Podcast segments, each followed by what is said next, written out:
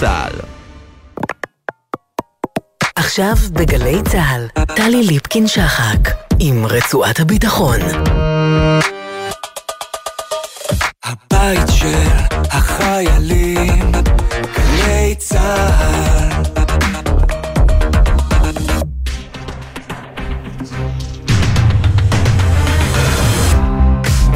שלום לכם, ערב טוב. רצועת הביטחון הערב, יחסי ישראל-סין כחלק מהתמונה הגדולה של שינוי במאזן האסטרטגי בעקבות ההודעה בדבר ביקורו המתוכנן של ראש הממשלה נתניהו שם. יכולות ההגנה על תשתיות לאומיות לנוכח איומי סייבר, סייבר, לרגל שבוע הסייבר השנתי באוניברסיטת תל אביב, והשאלה מהי חובה אזרחית עם עליית המדרגה במאבק על דמות המשטר בישראל והחרפת הטונים בין מתנדבים לשירות מילואים בצה"ל לבין הממסד. איתכם טלי ליפקין שחק ברצועת הביטחון, עכשיו. ואנחנו פותחים עם סין. דוקטור יונתן פרימן, מומחה ליחסים בינלאומיים, איש האוניברסיטה העברית בירושלים, שלום לך, ערב טוב. שלום, ערב טוב. ראש הממשלה נתניהו יבקר בחודש הבא בסין, איך אנחנו יודעים? נתניהו עדכן חברי קונגרס אמריקאים אתמול בדבר הביקור הצפוי הזה. לשכתו אישרה את המידע הזה שהגיע באורח מופלא אה, לתקשורת. אה, ומכאן, אה, אה, תוך כדי אמירה מפורשת גם שלו וגם של גורמים בסביבתו, על חשיבות היחסים עם הברית והברית המיוחדת, זאת אומרת, זה לא במקום היחסים עם הברית, אולי זה כסוג של תיווך בעת שהיחסים בין הברית לסין, איך נאמר, תלויים על בלימה, לאו דווקא במצב אה, רע, אלא באיזושהי אה, דואליות שם בין בלינקן המבקר שם והנשיא ביידן הקורא אה, לנשיא שי דיקטטור. איך אתה רואה את הדברים מנקודת המבט המחקרית שלך? אני חושב שקודם כל צריך להבין שיש לנו לישראל אינטרסים רבים שבאמת קשורים לאופן שבו אנחנו רוצים לראות את סין וההשפעה שלה בעולם. אנחנו יודעים שלמשל בהקשר של איראן, בשנים האחרונות לסין יש אה, קשרים מאוד טובים עם איראן, ויכול להיות שחלק מהרצון של ביקור כזה, שאכן נראה אם יצא לפועל בסוף, אה, זה גם יהיה לנסות להשפיע על, על סין להתרחק מאיראן, לרבות בהקשרים שיכולים לאיים על הביטחון של ישראל.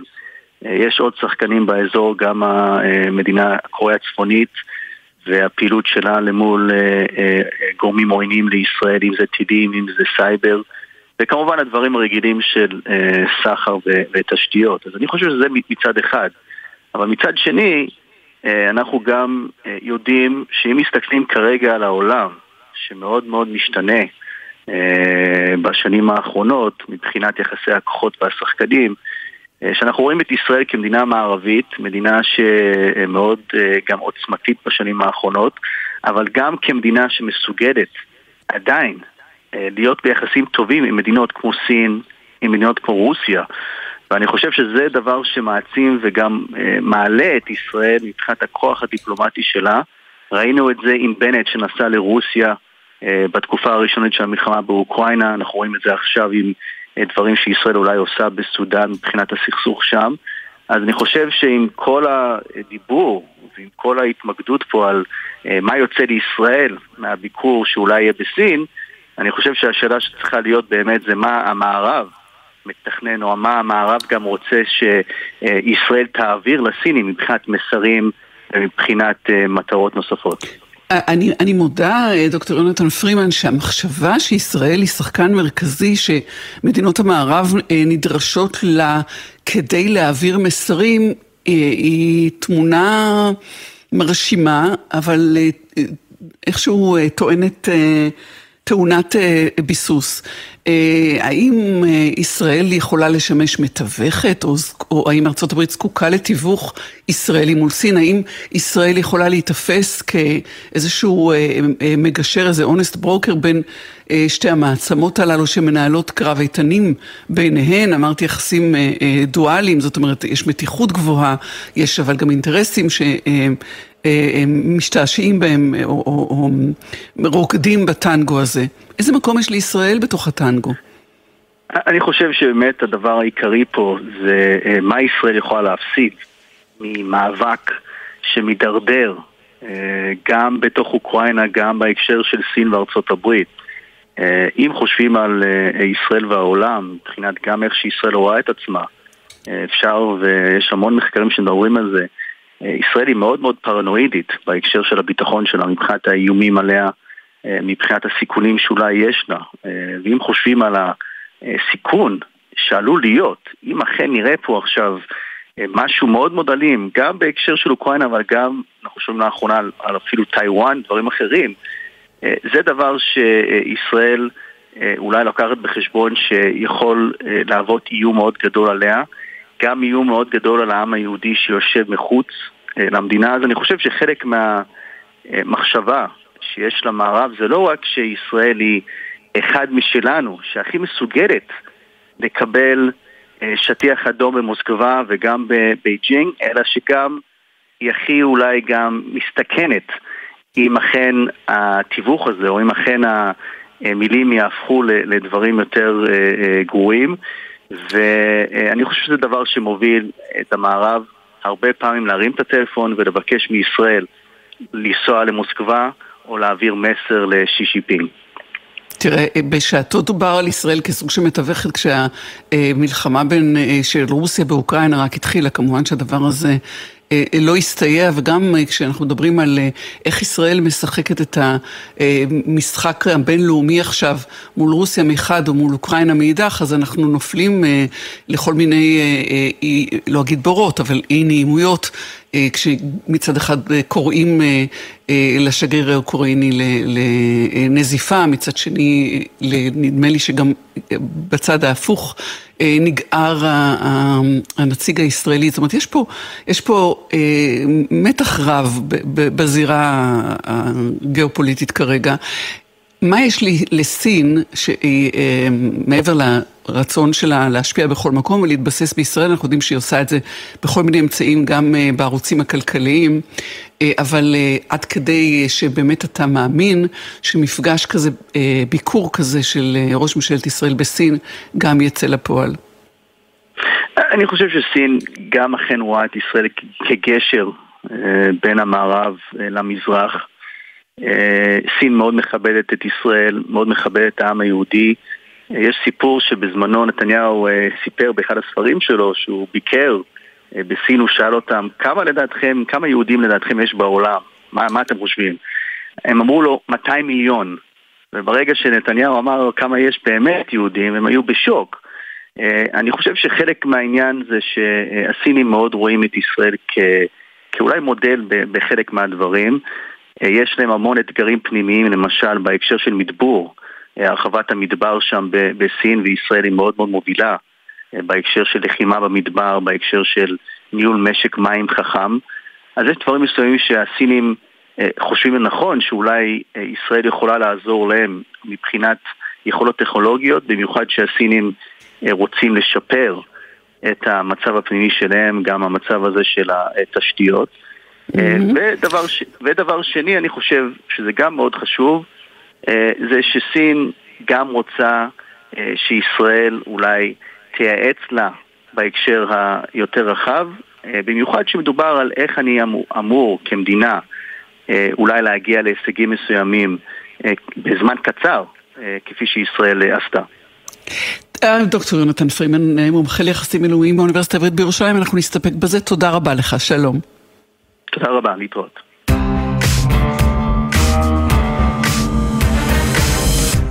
ושלום לתת-אלוף במילואים רמי אפרתי, מי שהיה ראש האגף האזרחי במערך הסייבר סבר הלאומי במשרד ראש הממשלה, ערב טוב לך.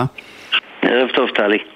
אנחנו מדברים לרגל אה, כנס הסייבר השנתי אה, אה, באוניברסיטת תל אביב, היום התקיים דיון נרחב שאתה הנחית שם, שעסק באיומים על תשתיות לאומיות, וזה איכשהו מתחבר לי, אני לא מתאפקת לקשור את זה לשיחה הקודמת, אם מדברים על איום קיברנטי, על תשתיות לאומיות ועל יחסים פורחים עם סין.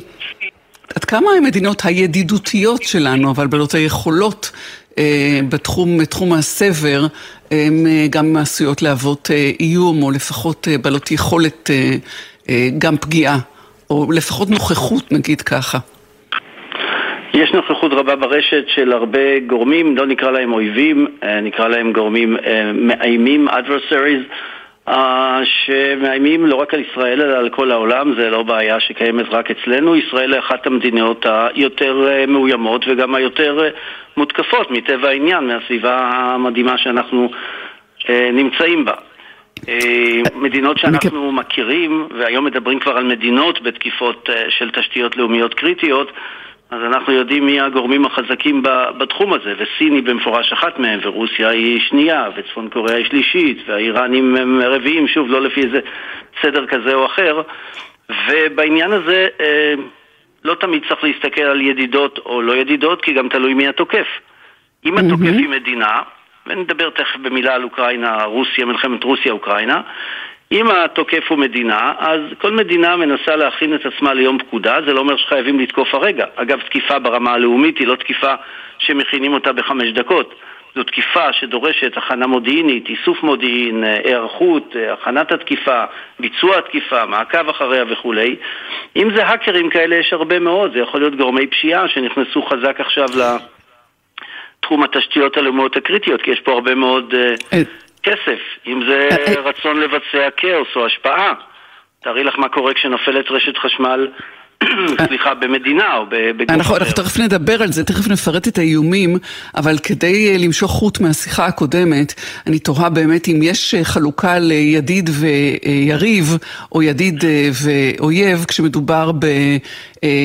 או באיום על תשתיות, או כמו שאמרתי, בנוכחות אה, שיכולה ל... לייצר מעורבות, נגיד ככה, באמצעות, כן. באמצעות התווך הקיברנטי. אז קודם כל המדיניות הידידותיות שלנו, אני מעריך, מאמין ומקווה שהן אינן מהוות גורמי תקיפה אצלנו. אני לא מאמין שאמריקה יש לה איזשהו אינטרס, ארה"ב הכוונה, לתקוף את מדינת ישראל, אבל אם אנחנו מדברים על איראנים שהם מוגדרים כאויבים שלנו ורואים אותנו... לא, זה ברור, זה מובן מאליו, אבל... אנחנו... זה ברור, אבל אני, אני בכל זאת מתעקשת על, על שאלת הנוכחות אה, אה, במרחב הזה, גם לא לצורכי תקיפה, אלא לצורכי מעורבות או, או איסוף מידע. אה, כן, ובהקשר הזה סין, שאפשר שתארח את ראש הממשלה נתניהו בקרוב, כך אנחנו שומעים, היא בוודאי שחקנית מרכזית בעלת יכולות. אני מבינה שיש לה מה ללמוד מאיתנו, על פי דוברים היא גם מעוניינת ללמוד מאיתנו, אבל נדמה לי שהיא גם מתקדמת מאוד בתחומים הללו, גם סין, זה אחד הממדים ואחד מגורמי המתיחות עם ארצות הברית, זה הבלונים שהם, לא יודעת אם אתה יכול להגדיר את זה, סייבר בהינתן שזה פיזי, הבלונים. שריחפו שם. לא, ארה"ב, אני מעריך, רואה בסין איום גם בהיבטי הסייבר בצורה מאוד משמעותית, ואין ספק, סין היא מדינה או גוף מאוד מאוד מרכזי בנושא הסייבר, רק דמייני לעצמך, קחי את כמות האנשים בסין, קחי רק אחוז אחד של גאונים, אנחנו כבר נמצאים מול תקיפות מאוד מאוד מסיביות ומאוד מתקדמות. אין ספק שהסינים פעילים בכל האזורים, אין ספק שהם פעילים גם באזורים שלנו. אני לא בטוח אם אנחנו אחד היעדים הראשונים בעדיפות, אבל אין ספק שאנחנו יעד. ומה זה נקרא ראשון בעדיפות? ראשון בעדיפות גם משתנה עם המצב הגיאופוליטי באזורים השונים, ולכן כן. אני במפורש רואה בסין כגורם שמדינת ישראל מעניינת אותו בתחום ה... תקיפת הסייבר, איסוף מודיעין בסייבר, כי איסוף מודיעין זה לא רק להיכנס לגורמי צבא וממשל ואחרים, אלא איסוף מודיעין זה גם לקחת intellectual properties, IP, פטנטים, שזה אחד הדברים שמאוד מאוד mm-hmm, מודאגים mm-hmm. מאוד. אז במפורש סין היא שחקן מאוד מרכזי וצריך להתייחס אליו מאוד ברצינות. ואתה בדיון היום, ראיתי מי המשתתפים שאת את, הדברים שלהם אתה ניווטת, פחות מהשמות עניינו אותי הנושאים או הארגונים שהם מייצגים, מים, אנרגיה, תקשורת, היו אצלך נכון. בדיון. אז זו הגדרה של תשתיות לאומיות מן הסתם. כן. נכון. אז קודם כל צריך לדעת ולהגדיר מה זה תשתית לאומית, ותשתית לאומית בכל מדינה היא שונה, אבל בגדול, כולנו ברור, לכולנו ברור שמדברים על אנרגיה, מדברים על תקשורת, מדברים על uh, תשתיות מים, מדברים על, uh, היום גם על uh, מערכים אפילו של דרונס, מדברים על uh, גורמים פיננסיים וכיוצא בזה, ובעניין הזה כל מדינה אמורה להגדיר לעצמה את האיומים. בפורום שאני הובלתי היום, ליתר דיוק אפילו שני אה, פורומים, אני ביקשתי ללמוד שני דברים ולכן הבאתי גם מארצות שונות גם מארצות הברית, גם מישראל, גם מקפריסין, גם מסינגפור, ואתמול היו לי גם ממדינות אחרות, גורמים שכל אחד אחראי על תחום מסוים. הבאנו uh, לפאנל, וזו עבודה יפה מאוד של אוניברסיטת תל אביב, את האחראית, את ה-Chief Information Officer של uh, משרד האנרגיה האמריקאי, שהיא, שהם באמת מובילים גם בתחום הרגולציה. הבאנו את אחראי המים, אני מזכיר לך שבעבר דיברו על תקיפות של מערך המים הישראלי, אמנם mm-hmm, לשמחתנו. ללא הצלחה, כיוונו את זה לכל מיני מדינות כאלה ואחרות, או בעיקר למדינה, הכוונה לאיראן, כדי שאני לא אתחמק מהדברים. את מי שאחראי על תחום המים בכל אזור אה, וושינגטון, את הגורם הקומישיונר, הגורם האחראי הגבוה ביותר אה, בקפריסין, את מי שמטפל בנושא הזה בצורה מאוד משמעותית בסינגפור, וכמובן גם חברות ישראליות, כי אני חושב שיש לישראל, וזה אחד הדברים המדהימים, יש לנו חברות סייבר שיודעות לטפל באירועים לא רק הנוכחיים, אלא מסתכלים כבר על טכנולוגיות, וזה היה הנושא השני, מאוד מרכזיות בתחום, ומנסות כבר להיערך לעתיד הקרוב והרחוק. אבל אנחנו תמיד אה, מדברים בסופו של דבר על הדיאלקטיקה שבה אנחנו נערכים לאיום הבא, והצד השני גם הוא אה, מקדם את היכולות אה, ואת האפשרויות התקיפה שלו. זה למעשה דיאלוג שלא נגמר. סייבר זה לא רק אה, הגנה ותקיפה, סייבר זה תפיסה. זה תרבות. ואחד הדברים שאנחנו באמת דיברנו עליהם היום, והוא חלק מהתפיסה הלאומית הכוללת, ובחברה זה באחריות של חברה, זה באמת כושר הרזיליאנס, ההתאוששות. תוך כמה זמן, גם אם נפגעת, כי אי אפשר להתחייב במאה אחוז שאתה לא תיפגע, גם אם נפגעת, תוך כמה זמן אתה חוזר לפעילות מלאה, או, או פעילות של הדברים היותר קריטיים לך, חוזר לפעילות שמאפשרת לך לעבוד, כי כשאתה לא עובד, וזה נכון לגב, לגבי בנק, זה נכון גם לגבי אנרגיה ואחרים, זה מתחיל לגרום לפעילות, אני מכנה אותה אפילו סייבר טרור, אני בכוונה אומר את זה כי הטרור, ניסיונו הוא אה, לש, אה, לשנות את ההחלטות של הנהגת מדינה בעקבות אירועים כאלה כמו של תקיפה.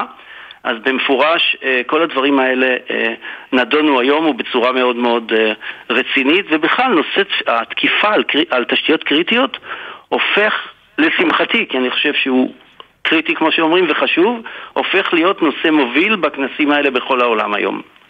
אנחנו כבר אה, קרובים לסיום, אז רק עוד שאלה אחת שנוגעת, אמרת טרור נועד לשנות, לגרום לשינוי החלטות, אבל הוא גם נועד לשתק. ועצם החשש ממהלך כלשהו עשוי לגרום לשיתוק של אה, מערכות או, או לקיפאון. איך מונעים את זה, איך ממשיכים לפעול תוך אה, באמת פיתוח אמצעי הגנה. אז זה הנושא של רזיליאנס. זה הנושא לא רק איך אתה נערך, או איך אתה חושב שאתה נערך, כי יש הרבה מאוד גורמים בעולם שאומרים יש לי גיבוי, אבל נראה אותם כשקורה משהו, תוך כמה זמן הגיבוי הזה עולה. זה מחייב, א', הנחיה ברורה, בעיקר של התשתית הקריטית הלאומית על ידי אה, גורמי מערך הסייבר הלאומי, זה מחייב הרבה מאוד תרגול, זה מחייב גם השקעה כספית. ואני חושב, ומגיעים על זה ברכות רבות היום לאוניברסיטת תל אביב, שאגב ה Cyber Week חוגג אה, בר מצווה. 13 שנה, זה מראה על איזה פעילות יש במדינת ישראל ובאמת אה, אוניברסיטת תל אביב, אה, איציק בן, פרופסור בן ישראל כמוביל של זה וכל הצוות שלו, הביאו לידי ביטוי, אגב, לא רק את נושא התשתיות הקריטיות, אלא גם את האיומים החדשים שכנראה אין לנו זמן לדבר עליהם, כמו נכון. GPT, AI וכולי. עוד נדון גם בזה. תת-אלוף במילואים רמי אפרתי, מי שהיה ראש האגף האזרחי במערך הסייבר סבר הלאומי במשרד ראש הממשלה, תודה לך, שלום. תודה רבה, כל טוב.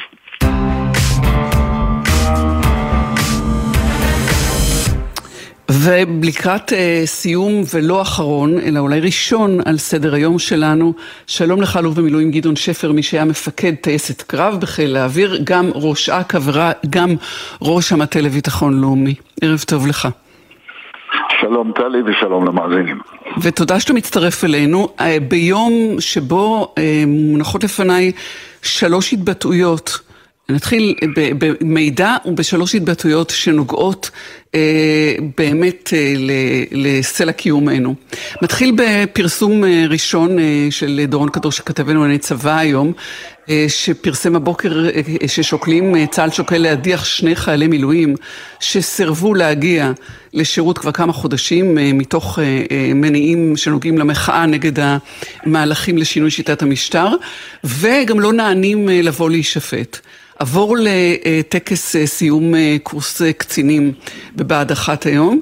שם מדברים ראש הממשלה, שר הביטחון והרמטכ"ל, ואני אתן משפט של ראש הממשלה נתניהו, אין ולא יהיה מקום לסרבנות, לא מצד זה ולא מצד כלשהו. אומר שר הביטחון יואב גלנט, גרירה של צה"ל ומפקדיו לוויכוח, לוויכוח ומחלוקת, היא מדרון חלקלק המסכן את קיומה של מדינת ישראל. אה, והרמטכ"ל אה, רב אלוף הרצי הלוי לא אומר דבר בעניין הסרבנות, הוא לעומת זאת מדבר על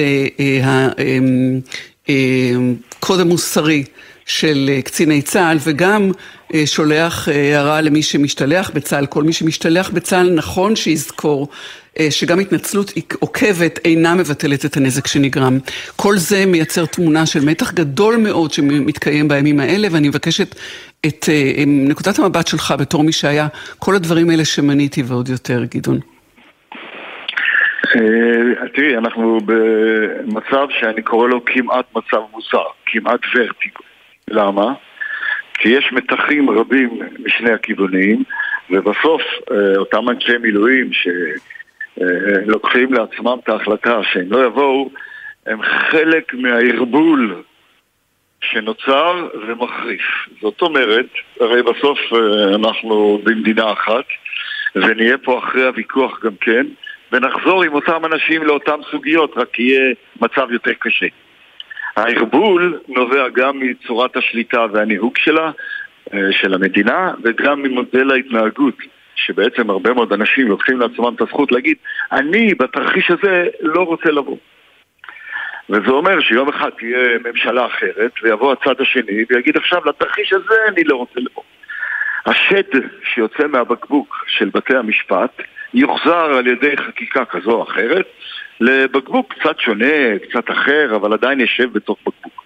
השד של המילואים וההתייחסות לצה"ל שיוצא מהבקבוק לא חוזר לשום מקום. ולכן אה, אני, לא, אני הייתי נמנע מלהכריע עכשיו מה אעשה אם לא יבואו. אבל מי שלא בא והוא סרבן, אז צה"ל פועל לפי הכללים שלו ולא יגיד לו מה לעשות. אבל, אבל אני, אני, אני, רוצה, אני רוצה פה רגע לומר משהו. כשאומר אה, אה, שר הביטחון שזה מדרון חלקלק שמסכן את קיומה של מדינת ישראל, טוענים המוחים שאין ויכוח על מידת הפטריוטיות והמסירות שלהם משום שהם מתנדבים לשירות מילואים, והם אומרים המהלכים האלה הם המסכנים את קיומה של המדינה, אה, וגם מפרים את החוזה בין, בינינו לבין המדינה. מה אתה עונה להם? והאם חובה אזרחית היא רק, היא רק אה, לבוא למילואים, או חובה אזרחית היא גם אה, לעשות אה, את, את מה שהוא נראה כמו קו אחרון לפני שינוי שלשיטתם הורס מדינה, הורס חברה, הורס את המפעל הציוני. אז א', אה, אנחנו בתהליך. כמו שכולם מבינים, אנחנו בתהליך שהוא שלילי בעיקרו, שהרבה מאוד דברים בתוך המדינה באיזשהו תהליך של הרס עצמי, אה, אבל אני לא רוצה לעזור להרס. זאת אומרת, מודל התנהגות שאומר, אוקיי, אם ככה אני בוחר עכשיו להעצים את הבעיה ומודיע שאני לא בא. מה אני עושה? אני בעצם מחריף את התהליך של ההרס הפנימי. ואני חוזר ואומר, הרי בסוף אותם אנשים ייפגשו אחרי על אותה מדינה, אם אנחנו כולנו נהיה פה, אני מקווה, ונצטרך לסדר מחדש את מה שהתקלקל יותר. ואני לא, ב... לא מוכן להסכים לזה שכל אחד עושה מה שהוא רוצה, בוודאי לא בהקשרים של צה"ל. בכובעך כמי שהיה ראש אכ"א, בכובעך כמי שהיה ראש אכ"א, מתנדבים לשירות מילואים, אפשר לשפוט אותם על סרבנות משעה שהם מתנדבים מלכתחילה? פעם אחת שאתה מתנדב, גם חייל שלא זכאי לשרת כי יש לו איזה מגבלות רפואיות והוא מתנדב, הוא חייל לכל דבר. וגם מילואימניק שהוא מתנדב, אז הוא חייל, הרי אה, ברגע שהוא יתנדב הוא חייל, כי הרי אנחנו סופרים אותו, אנחנו חושבים מה הוא יעשה, אנחנו מכינים אותו, הוא מכין את עצמו לתפקידים שהוא יעשה, הכל קורה. לכן ההתנדבות היא באה ואומרת, אני מתנדב. אבל כשאתה אומר, אה, המדינה מתנהגת במודל שלא מוצא חן בעיניי ואני מפסיק את ההתנדבות, אז בעצם אתה עוזר לחורבן המדינה שאתה חרד לה. איפה הדילמה כרגע, ואני מפרקת את זה לדילמה של הלוחמים ואותם גורמים מתנדבים שחשים שהם צריכים לעשות איזה צעד דרסטי כי הם, הם חוזים במה שנראה להם חורבן ש, שממיתים עלינו, דילמה אחת, ואיזו דילמה יש, ל, אני, אתה, אתה יודע מה? שלוש דילמות, ל, לצבא, לו אתה היום במטה הכללי, מה אתה מייעץ, ומי שהוא ראש מל"ל ומכיר את הדרג המדיני, מה נכון לדרג המדיני לעשות? אה, הדבר העיקרי שנכון הוא לעזור רגע את צה"ל מהוויכוח. זאת אומרת, הדרג המדיני וכל מיני התייחסויות מכניס את צה"ל לתוך הוויכוח, אה, מסית נגד חלק מהאנשים, עוד לא קרה כלום, עוד לא הזמינו כלום, וכבר אה, תולים אותם על ראש חוצות. ואני אומר, רגע, אנשים, יש לנו עכשיו אה, משהו שקורה במדינת ישראל והוא לא טוב. אבל אם אנחנו רוצים שמדינת ישראל תוכל לצאת ממנו, בואו נשאיר כמה דברים שצריכים להמשיך לפעול בכל מצב. ואחד מהם הוא צה"ל והמשטרה וכוחות הביטחון האחרים, אה, כי אנחנו לא יכולים בלעדיהם. אה, שמעתי את השיחה הקודמת שעוסקת ברזיליאן ובפרידות ותקומה מחדש אחרי סייבר. אני לא רוצה להיות שם אחרי הצבא. אני רוצה להיות שם, אני, כולנו נחזור למצב ההידברות. לכן אני פועל עכשיו, בימים אלה, על קריאת הסכמה. חובה להסכים ולא קמים בלי שמסכימים. כי אם נקום, אז uh, החלק שיקרה יהיה רע לשני הצדדים, ונחזור ניפגש על אותו שולחן עם אותם אנשים, רק עם סוגיות יותר כבדות. ולא בטוח שאפשר לתקן אותם. תכף יהיה לנו עוד סיום, ואני שומעת שאתה פועל עם איזו יוזמה חדשה שלא ידעתי עליה, אז בוא תן לנו אותה במשפט יותר נרחב, אם הבנתי נכון. זה, זה נקרא קריאת הסכמה, שאומרת, אה, וכבר נפגשנו עם רוב בעלי העניין, הפוליטיים ובהסכמת אה, נשיא המדינה וכל אלה שמשתתפים שם בשיחות, וישבנו איתם, אחד אחד. מי זה ישבנו? יש, זה חבורה, לא חשוב, אין, אין לך זמן. אוקיי, נכון, יש לך מזל שאין לי זמן, אבל אני עוד אחזור אליך לבדוק את הסיפור הזה עד הסוף. כן, אלוף במילואים גדעון שפר, אני מודה לך מקרב לב שדיברת איתנו, שלום לך. שלום ובהצלחה לכולנו. אמן. נועה נווה, מפיקה ראשית של רצועת הביטחון, אליעזר ינקלוביץ' ושיר דוד מפיקים, על הביצוע הטכני ליאור רונן ובפיקוח גוים ג'קסון, אני טלי ליפקין שחק. ערב טוב שיהיה לכם כולכם, היו שלום.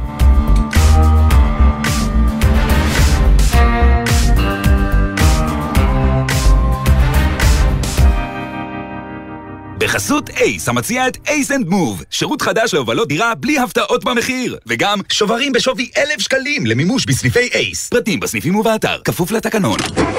מה נשמע, נשמע, סוף השבוע,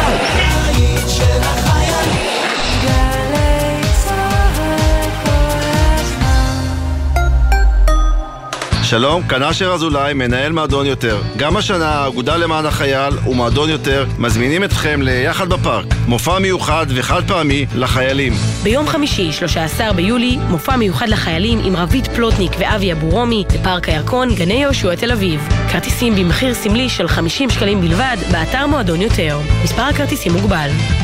בין קריית שמונה לירושלים יש כ-20 גלידריות. והן 20 הזדמנויות להרגיע את הילדים המשתוללים מאחור מבלי להסתכן שמישהו יפגע בכם חלילה. אז בנסיעה הבאה אל תעצרו בשולי הכביש ואל תסכנו את החיים שלכם וחיי ילדיכם.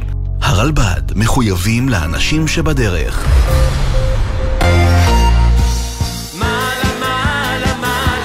מעלה מעלה, מופע מחווה למלך הפופ צביקה פיק. משתתפים דנה אינטרנשיונל, רותם כהן, מאיה בוסקילה, קובי אפללו, אמרי זיו, מיי פיינגולד, אילנה אביטל, שרי, שימי תבורי וריקי בן ארי, במסגרת מופע הנעילה של פסטיבל אשדודנס. מחר, תשע בערב, אמפי אשדוד, ובקרוב בגלי צה"ל. עמית, נזכרתי שרציתי לשאול אותך... איך קוראים למי שמחתן פסטות? לא, מה? רב יולי. מה? נו, אני רציתי לשאול... איזה יום כלבים הכי אוהבים? ט"ו באב. מה יש לך? אני רק רציתי לדעת... מתי יפסיקו להשתמש בעיפרון? מתי בדיוק התוכנית שלנו משודרת? בבוא העת. עמית, את יודעת מה קרה לשדרנית הרדיו שלא ענתה על השאלה? מה? היא לא הייתה בתדר. 1-0, לגמרי 1-0. הגיע לי. שירה אביבי ועמית לוי חוגגות את יום הבדיחות הבינלאומי בשידור קורע מצחוק. אבל מתי? מוצאי שבת, בתשע, גלי צה"ל. אתם מאזינים לגלי צה"ל.